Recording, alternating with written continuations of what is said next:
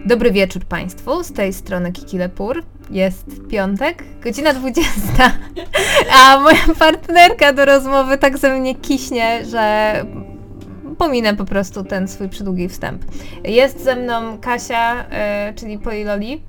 E, I co prawda miałam taki pomysł, żebyśmy dzisiaj sobie porozmawiały o Black Friday, ponieważ jest Black Friday i są przeceny i i, i, maszyna, e, konsumpcjonizm i tak dalej, ale jest ciekawszy temat, który jest bliżej naszego życia e, i pomyślałam sobie, że skoro e, trochę jest u mnie o vintage, ale trochę też o popkulturze, mm, no to dzisiaj się skupmy na popkulturze. Tak więc moim gościem jest, tak jak powiedziałam, Kasia z bloga Poliloli, i współwłaścicielka sklepu Breslauerin, czyli sklepu, w którym również jestem współwłaścicielką.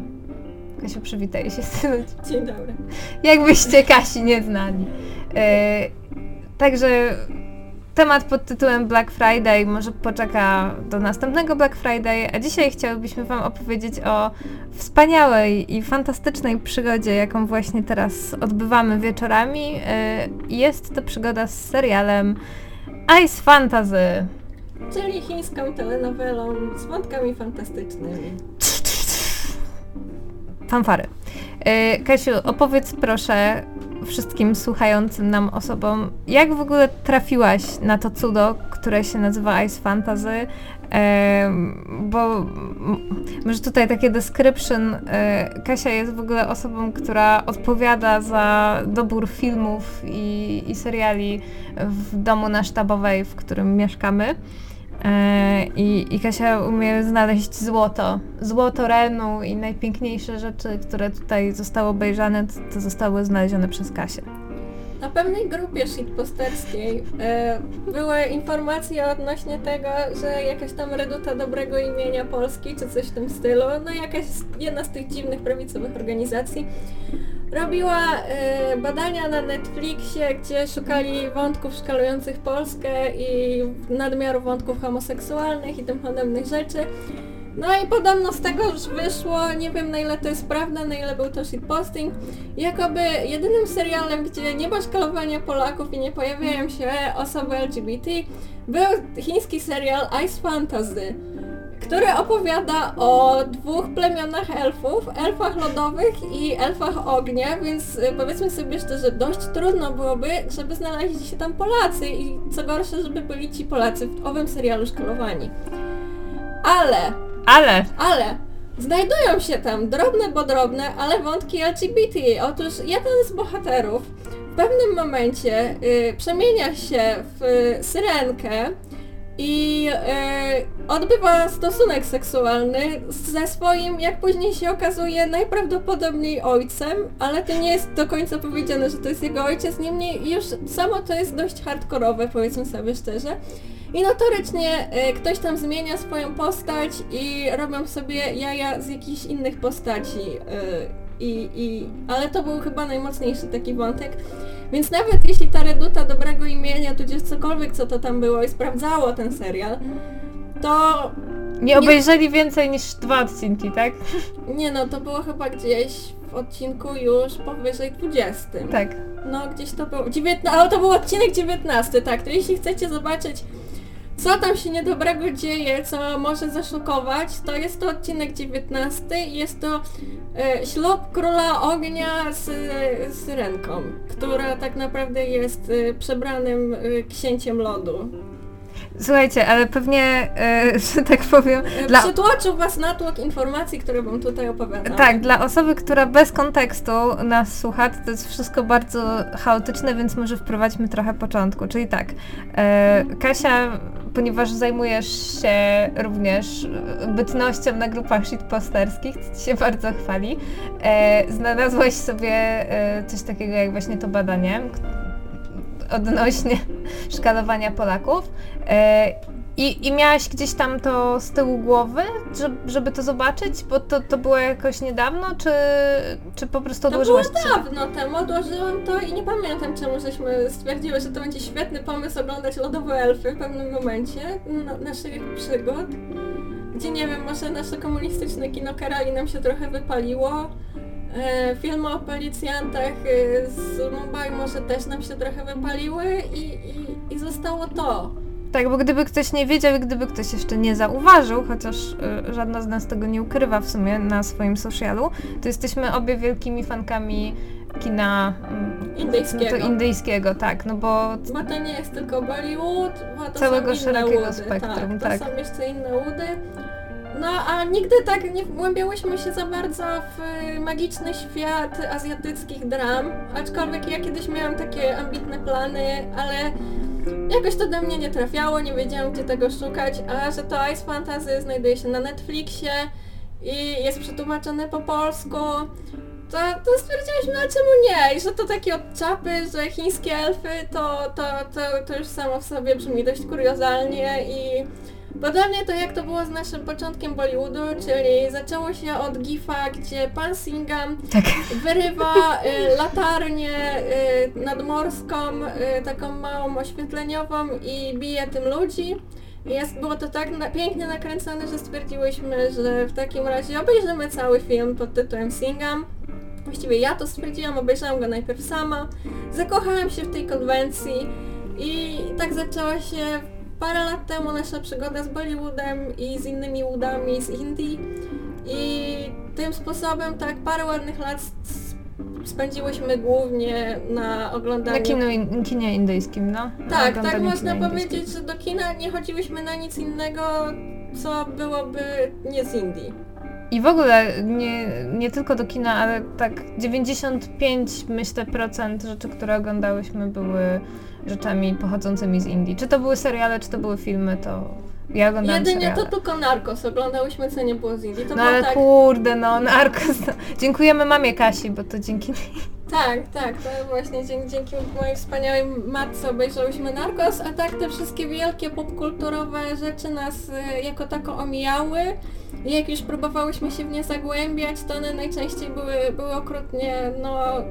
W porównaniu do, tych, do tej wrażliwości takiej, no też można powiedzieć, że azjatyckiej, tak? To, bo jest dużo rzeczy, które są, mają punkty wspólne z kinem indyjskim, tak myślę. I, i kino indyjskie i Ice Fantasy. Są piosenki w dramach Ale właśnie, azjatyckich. do tego też. zaraz dojdziemy. Znaczy w tej, w tej jednej, bo to tak naprawdę nie będziemy mówić o wszystkich dramach, bo oglądamy dopiero pierwszą naszą dramę, ale już mamy w planach, jak zakończymy tylko Ice Fantasy, oglądać jakieś Małpie Króle i i inne tego typu produkcje, bo to jest po prostu dla nas fascynujące i piękne. Ale co w Ice Fantasy jest najcudowniejsze, to to, że to na wschodni sposób próbuje opowiadać e, wątki z takich typowo zachodnich e, produkcji fantazy i tak naprawdę anturaż jest taki mocno zachodni, powiedzmy sobie szczerze. A, a wszystkie te wątki związane z duchowością, e, ze sposobem magii i sztuk walki są typowo wschodnie i też sposób narracji jest też taki typowo wschodni, przez to to jest bardzo interesujące. I, I zupełnie inaczej są położone akcenty niż na przykład w takiej grze o tron, e, czy, czy, czy jakichś takich e, władcy pierścieni. To te wschodnie produkcje bardziej stawiają właśnie na przedstawienie relacji pomiędzy poszczególnymi bohaterami i to nie tylko re relacji romantycznych typowo, ale też relacji pomiędzy braćmi, bo to jest tak naprawdę główne zarzewie y, całego konfliktu, jaki się w tym serialu wydarzył. No właśnie, bo e, znowu, żeby trochę wprowadzić porządku, o czym w ogóle opowiada ten serial? Jakbyś miała tak powiedzieć jednym, z, może jednym zdaniem to nie, ale mniej więcej swoimi słowami, jakbyś miała główną oś konfliktu zarysować. Y, To to jest tak, y, że mężczyźni robią problem, a kobiety muszą go potem naprawiać. I to jest główny temat tego serialu, No tak. tak. naprawdę. Znaczy, no, oficjalnie jest to serial o dwóch braciach z plemienia lodu, tych lodowych elfów. E, Jeden jest młodszy, drugi jest starszy, ten starszy ma supermoce, a z tego drugiego wszyscy się śmieją i on jest taki trochę inny od reszty. No i potem się okazuje, różne dziwne rzeczy z tego wychodzą i on, ten młodszy nie może zostać królem, ten starszy traci swoje magiczne moce. No dzieje się tam naprawdę bardzo dużo rzeczy, jeszcze im przeszkadza w tym wszystkim klan lodu. E, ognia. Plan ognia, no. Tak, Klan Ognia. E, gdzie i w ogóle są piękni bohaterowie w tym serialu.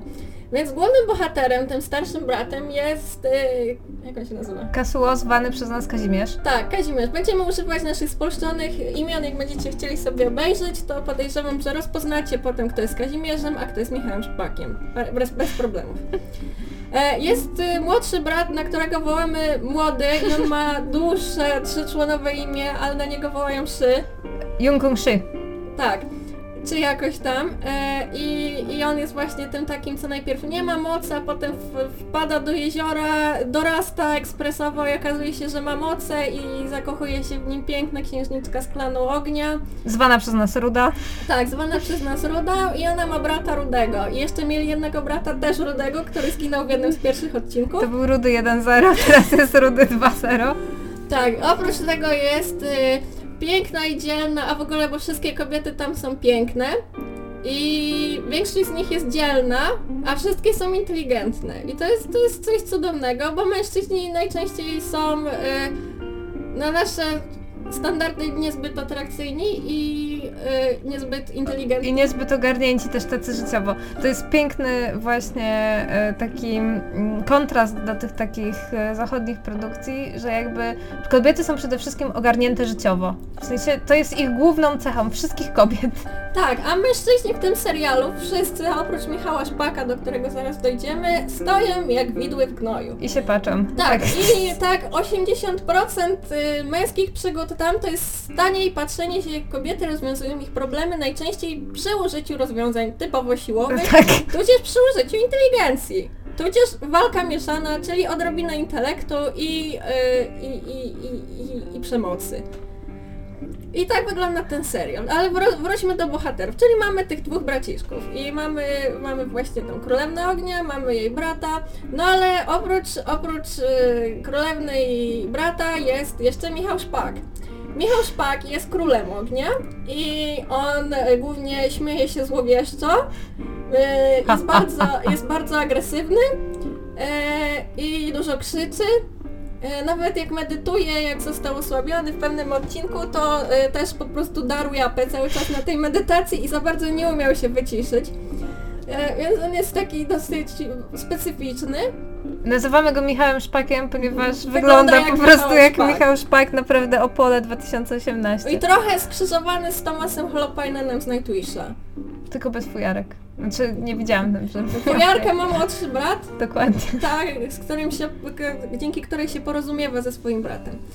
E, tak, to mamy tą dzielną strażniczkę, to ona jest człowiekiem i ona jest śmiertelniczką mamy tutaj piękne odwrócenie tego, co nam tłuczono przez e, całego Władcę Pierścieni, czyli naszą Arweną jest Kazimierz, książę elfów, a naszym Aragornem jest e, strażniczka Lilianna, na nią wołamy. Czyli Lidło. E, bo uwierzcie nam, że to jest w 100% ten sam trop, w 100% ta sama historia, tylko że ona pełni jakby funkcję, i ona w ogóle jest taką, pełni funkcję męską, jeśli by rozpatrywać ten trop, e, powiedzmy damy w opałach, to damą w opałach jest zawsze Kazimierz. Zawsze. Zawsze. Zawsze. E, I oni mają taką relację, która jest dużo ciekawsza niż ta relacja Aragorna i Arwendy, którzy tylko do siebie jakoś tam wzdychali i, i, i pierdzieli w stołki, jak przez większość e, Władcy Pierścieni absolutnie pierdzą w stołki wszyscy. E, tak, e, tutaj jest to takie ciekawe, bo jak, jak nawiązuje się ten romans, to, to jest to, że ona mu daje po prostu alkohol. I kwiatki do powąchania, bo elfy wąchają kwiatki i tak się pożywiają. Tak więc tak e, jakby jak się poznaje dwójka naszych bohaterów, tak, że dzielna strażniczka klęka przed naszym królewiczem, królewiczem Kazimierzem z wielkim bukietem kwiatów i ofiarowuje mu ten bukiet kwiatów. Słuchajcie, no jakby mnie to leczy. Tak, y, strażniczka ma pięknego jednorożca, który nazywa się Rzepa. Potem, kto- potem mu zmieniają imię, ale nie żeby przejmujcie było, się. Tak, żeby było bardziej godne, więc zmieniają mu imię na Śnieżną Gęś. No właśnie. Więc, e, więc tak, e, drugą osobą zainteresowaną w, Kazi- w osobie Kazimierza jest e, syrenka, no jest syrenka, której nie pamiętam imienia i ona jest, no, ciężka. Ona za bardzo jest taka naiwna, ona robi minki i... Jest przesłodka, ale jest też bardzo irytująca. W sumie i ale też ma w sobie jakąś taką zaradność mimo wszystko życiową. Nie stoi i nie czeka, nie jest taka bezwolna, tylko jak na przykład y, Kazimierz, w którym ona jest zakochana od pierwszego odcinka, od w ogóle pierwszego spojrzenia ginie, no to ona sama na własną rękę idzie go szukać, więc też jest aktywna. Tak. I, i, i ona ma nadopiekuńczą matkę, która myśli głównie o sojuszach i utrzymaniu równowagi, zachowując się przy tym jak angielska królowa mniej więcej i szukając tego balansu na siłę. I t- y, ta jej matka jest bardzo ciekawą postacią, jest bardzo ciekawie napisaną postacią. Y, A wracajmy do lodowych, bo tam jest jeszcze, tak, jest król lodu, który jest wkurzający i wszystkim ciągle mówi, nie, tak nie wolno, bo to tradycja zabrania. I i jest mamusia, która y, jest bardzo opiekuńcza względem swoich dzieci, przy czym czwórka tych dzieci ginie w trzecim odcinku i mamusia y, trochę się potem mści na osobie, która to zrobiła.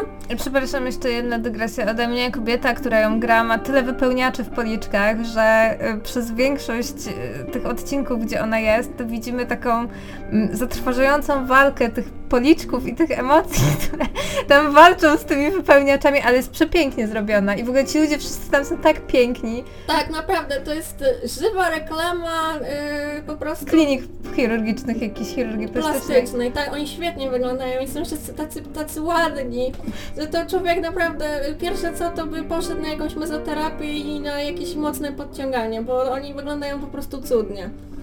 E, I tak, Babcia jest jeszcze. tak, jest babcia, która chodzi sobie po lesie, to jest lodowa babcia, to jest babcia naszych głównych bohaterów. E, I babcia jest śmieszna, ale jest super potężna.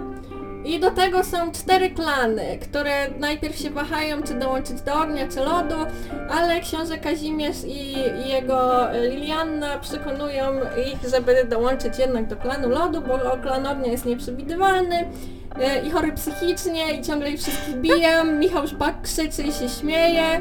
I te dzieci Michała są, one są właściwie tak, to e, Ruda jest bardzo sympatyczną osobą i ona się zakochuje w młodszym księciu, nie wiedząc, że on najprawdopodobniej jest jej bratem, ale potem się, potem się okazuje, że on wcale nie, nie jest jej bratem, bo jeszcze jest trzeci, ale to już nieważne. A jest konkubina w klanie lodu. Dokładnie. Konkubina jest matką młodszego księcia, księcia młodego.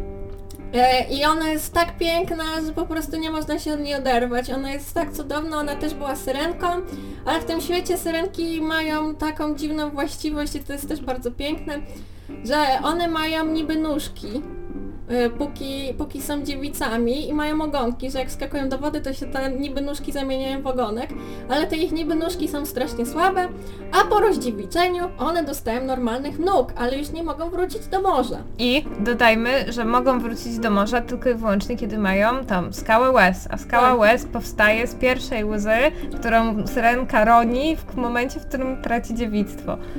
Tak, i w pewnym odcinku mamy scenę tego, jak y, wygląda taki seks z syrenką, więc to nie jest tak, że ten serial jest y, dla dzieci. I powiedzmy sobie szczerze, e, może on być triggerujący momentami, ze względu na to, że dość często ktoś chce zgwałcić syrenkę, a w końcu na, nawet do tego dochodzi. I to w bardzo niemiłych okolicznościach. E, jest dużo nagości, co prawda nagości zakrytej, ale nadal nagości. E, bardzo dużo osób ginie. Bardzo, w ogóle, y, kurde, jeśli ktoś myśli, że gra o tron jest jakąś... W ogóle nie ma plot armora. Jak się Kazimierz ma, okazało. Kazimierz. Kazimierz ma tylko plot armora, ale na przykład, y, no nie chcę spoilerować tutaj, ale są osoby, które mamy, mm, po, postrzegamy je jako głównych, główną bohaterkę bądź bohatera i że im się nic nie stanie, a jednak mimo wszystko w połowie BEM potrafią nas opuścić. Mniej więcej jak e, w tej dziewiątej kompanii rosyjskim filmie, gdzie w połowie też e, giną nam główni bohaterowie. Tak, no tak, tak, to, totalnie. to jest tak, że po prostu o! I mamy też takie zdziwienie, jak do tego doszło. Ale to tak jak ludzie się jarali strasznie krwawymi godami, że to jest takie zgrotron, że to jest takie szokujące i niesamowite, że właśnie w To drugim tam mamy w trzecim To tam mamy w odcinku. trzecim odcinku, to Tak. nie czekamy nawet do, wiecie, do drugiego sezonu, nie, po prostu jest regularna rzeź w trzecim odcinku, jakby jeśli kogoś polubicie, no to przykro mi na 90% ginie. Tak, na przykład o, w drugim odcinku ginie taka postać, która była właściwie, no spoilerujemy to wam, bo to jest drugi odcinek, a odcinków jest 60.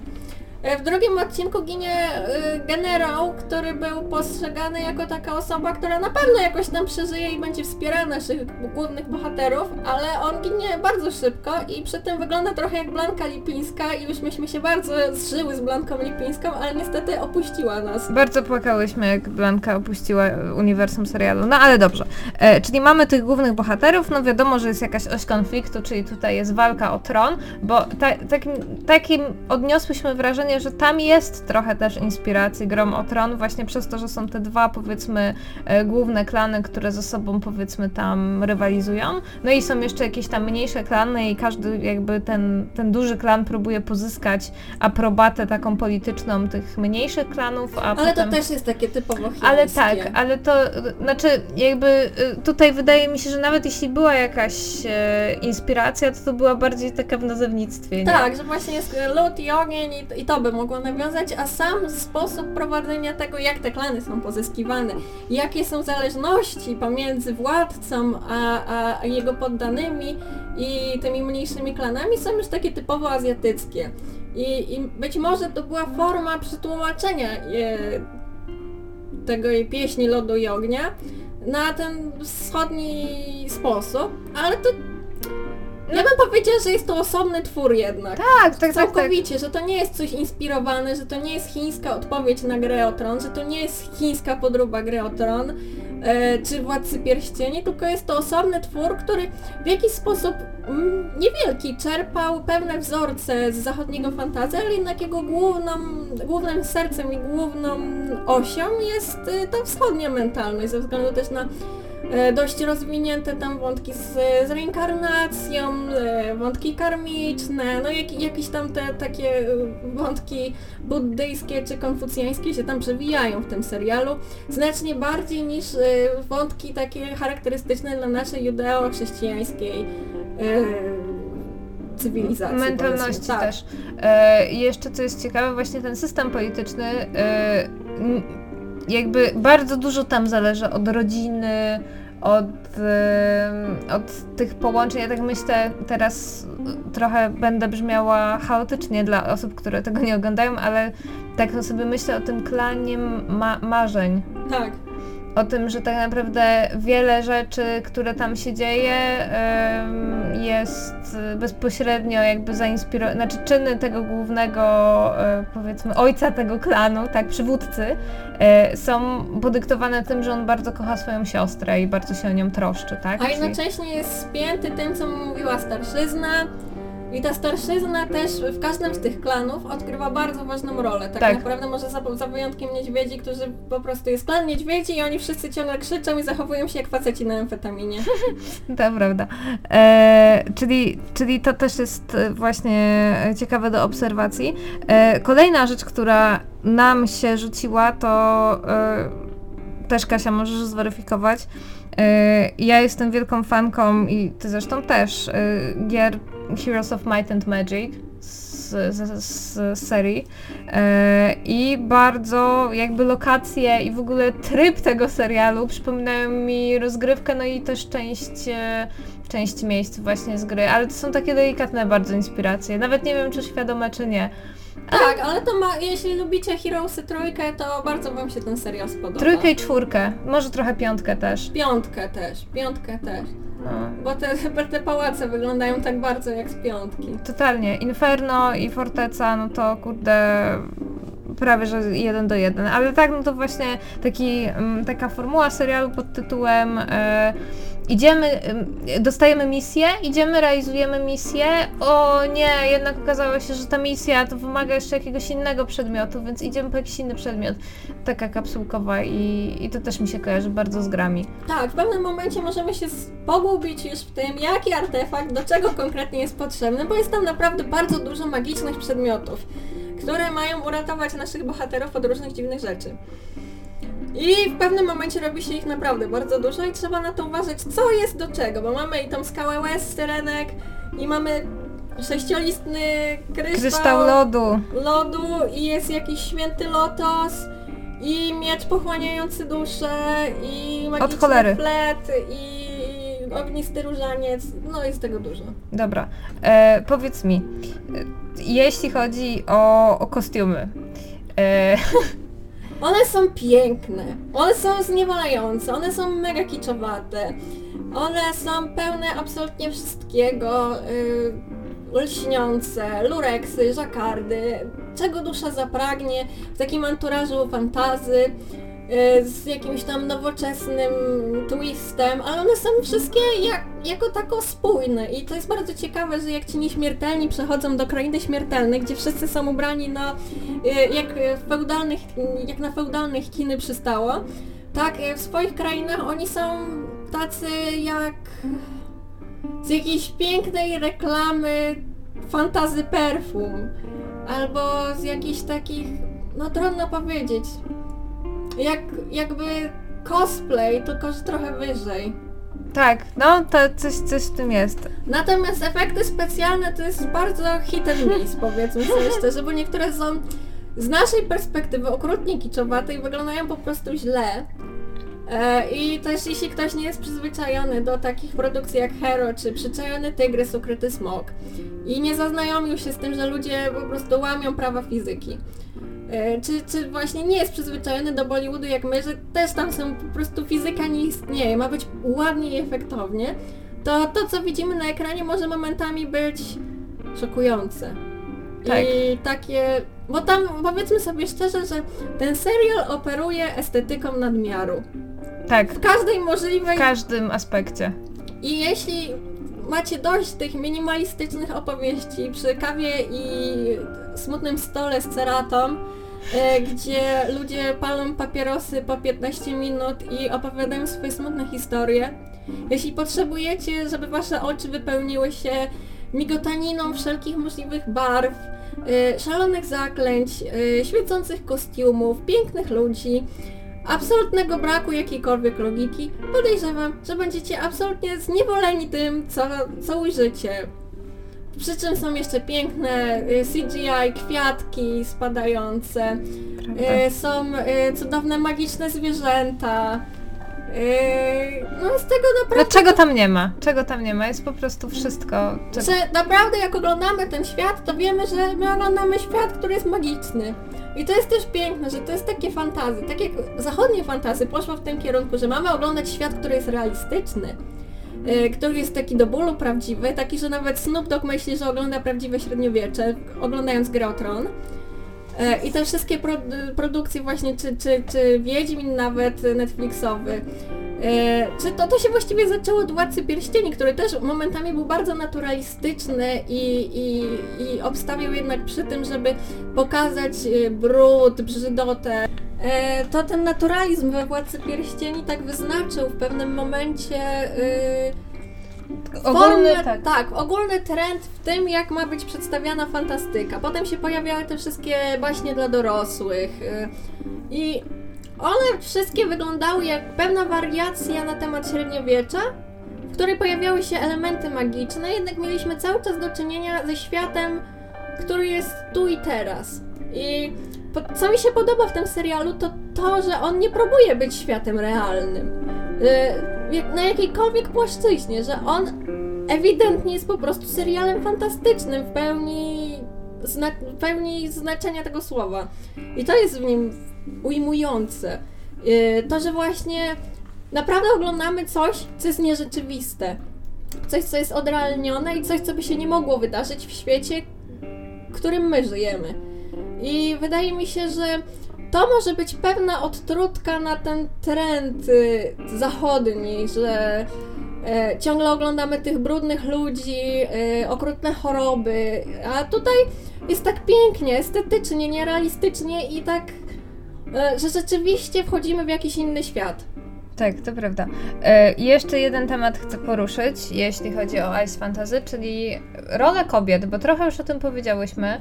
ale chciałabym trochę bardziej ten wątek rozbudować, bo on jest bardzo ciekawy. Jak na serial, który polecała Rada jakiegoś tam odzyskania narodu, jako serial, który jest też ideologicznie jakby zgodny z tym, co e, się promuje. A tu się okazuje, że jednak nie, no bo nie dość, że kobiety są bardzo ważne i tak naprawdę są tylko, tylko one są siłą sprawczą wszystkiego, co się dzieje, to jeszcze do tego wszystkiego e, jakby serial porusza kilka bardzo ważnych takich wątków, jeśli chodzi o równouprawnienie kobiet.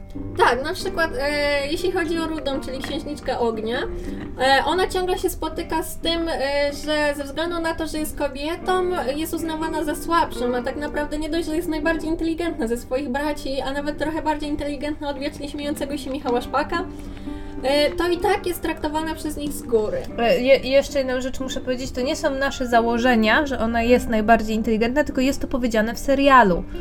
W sensie in, z y, innymi ustami, innych bohaterów, tak, ale jest to zaakcentowane, że to nie są jakby nasza interpretacja, tylko faktycznie tak jest.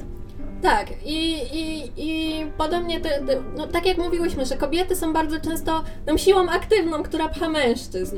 E, W klanie uzdrowicieli jest sytuacja, gdzie szef tego klanu jest nierozgarniętym młodzianem, e, który zakochał się w, w trucicielce e, super potężnej i ona tak naprawdę jest mózgiem tego związku i mieczem tego związku i on, on co prawda zna się na leczeniu, ale to jest jego jedyna rola jaką on ma, a decyzje i, i, i, i wszelakie walki rozwiązuje jednak ona.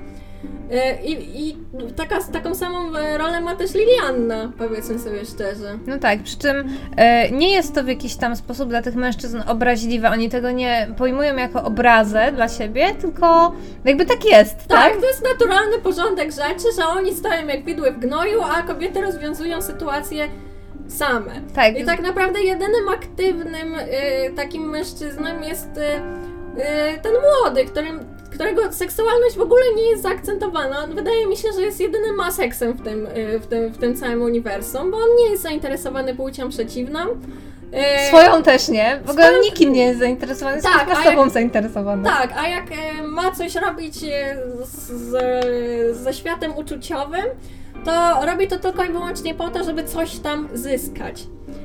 Przez co dochodzi do okropnej tragedii, o której już wspominałyśmy wcześniej, no ale to musicie zobaczyć. E, I, I to jest też ciekawe, że jedyny taki mężczyzna, który jest rzeczywiście aktywny, który myśli samodzielnie, i to też nie do końca, bo tak naprawdę myśli za niego też od pewnego momentu jego matka, Matka. konkubina, która jest siłą napędową jego walki o władzę tak naprawdę. Co, co jest też ciekawym konfliktem, bo on jest rozdarty pomiędzy wierność względem swojego brata, a yy, wierność własnej matce. I ona bardzo umiejętnie nim manipuluje, co przypomina odrobinę e, kobiety we wspaniałym stuleciu, tej, tej tureckiej telenoweli. E, I to jest też piękne, że te wszystkie królewny, księżniczki, e, królowe są też wielkimi manipulatorkami i tak naprawdę cały porządek świata opiera się na nich, zaczynając od babci, poprzez tą konkubinę, księżniczkę ognia, która też, y, no powiedzmy sobie No szczerze, tak. dowodzi tym wszystkim, y, czy strażniczkę Liliannę, która y, jako tako kontroluje Kaźmierza i jego ciągłe meltdowny, bo on po prostu, on tylko chodzi, gra na fujarce, jest smutny, a ona mu mówi, żeby coś, coś wziął i się ogarnął ze sobą. Tak, ale co ciekawe, tam też nie ma toksycznej męskości. W sensie, jeśli masz facet. Oni bardzo dużo, oni bardzo dużo przeżywają. Tak, Faceci. oni przeżywają Ale dużo więcej spoko. niż kobiety. I może to jest jakiś taki, taka forma właśnie tego, że kobiety, które to oglądają, bo wydaje mi się, że to jest raczej serial dla kobiet. Nie wiem, nie wiem jaka jest jego oryginalna y, widownia i nie wiem ja, ja, jakie potrzeby ma chińska widownia, ale z, na, z naszej zachodniej perspektywy No tak, sięgają głównie kobiety. Wydaje mi się, że to tak, że to będzie bardziej kobieca sprawa. E, I może dlatego tak to jest przedstawione, ale z drugiej strony nie wiem. To trzeba by było sprawdzić, jak, jak, jak oryginalna widownia, do której ten e, serial był przeznaczony, zareagowała na to wszystko. Ale dla mnie to jest na przykład miła odtrutka, że widzę, widzę na przykład, mm, nie wiem, postać męską, która e, jakby ma jakieś uczucia i je okazuje. I to nie jest postrzegane jako jego słabość, tylko że on po prostu taki jest. To jak dla mnie to jest spoko. Tam w ogóle te relacje damsko-męskie są bardzo śląskie. Tak. Że mamy tą śląską Kasię i śląskiego Tomka i ten Tomek jest takim wielkim gorylem, yy, który no Kosio, no Kosio weź, a Kasia do niego, e, weź się uspokój, e, trzeba coś zrobić, e, e, e. I wiecie, a ta Kasia tak y, potyra tym chłopem i on się dopiero wtedy do czegokolwiek nadaje i tak, tak naprawdę chłop jest tak jakby przedłużeniem jej rąk, y, a ona jest takim mózgiem. I ona jest też tą, co dzierży szmatę i która... Wymierza sprawiedliwość Tak, tak. Tomkowi. Tak, i to jest też takie, co można się w tym odnaleźć, bo tak oglądamy sobie te, te, te, te odcinki i tak widzimy takie sytuacje i to, Boże, no jak u nas na imprezie, jak kiedyś przysłowiowa Kasia z Tomkiem i tam jak go ta Kasia tak traktowała, e, weź pozmywaj, e, weź coś zrób. No to identyko to mamy, czyli to nie jest aż tak kulturowo odległe od nas, powiedzmy sobie szczerze. Nie, nie, zresztą do podobnych wniosków doszłyśmy, jak oglądałyśmy właśnie dużo kina indyjskiego, że mentalność jakby Indusa i mentalność Polaka gdzieś tam są bardzo blisko, tylko no wiadomo, że jakby y, zamiast pierogów mają samosy, a tutaj zamiast pierogów są dimsumy. Tak, a, a z Indusami jest jeszcze, jeszcze ciekawiej e, ze względu na e, podobne historyczne e, doświadczenia, No tak. jakie mamy. Ale to, Czyli zabory czy kontra ten kolonializm. To jest bardzo podobne i dlatego to kino ogląda nam się chyba o niebo, łatwiej. tak, o niebo łatwiej, ale y, mimo wszystko wydaje mi się, że ta, w- że tak powiem, wschodnia mentalność i wrażliwość, przynajmniej może dla nas, jest jakaś bliższa. Tak, że jest bliższa Polakowi. Wydaje mi się, że jest bliższa, Bliższa Polakowi. niż amerykańska, o to mi chodzi. Tak, tak, tak, że na przykład jak oglądamy Avengersów, y, to te konflikty, które tam widzimy, ich problemy są jednak odleglejsze od y, problemów, które przedstawiono, nie, no nie wiem, w Saira, w południowo-indyjskim filmie o właśnie o epoce kolonializmu. Albo w tym filmie, Boże, nie pamiętam jak on się nazywa, o tym... y, Koczuni.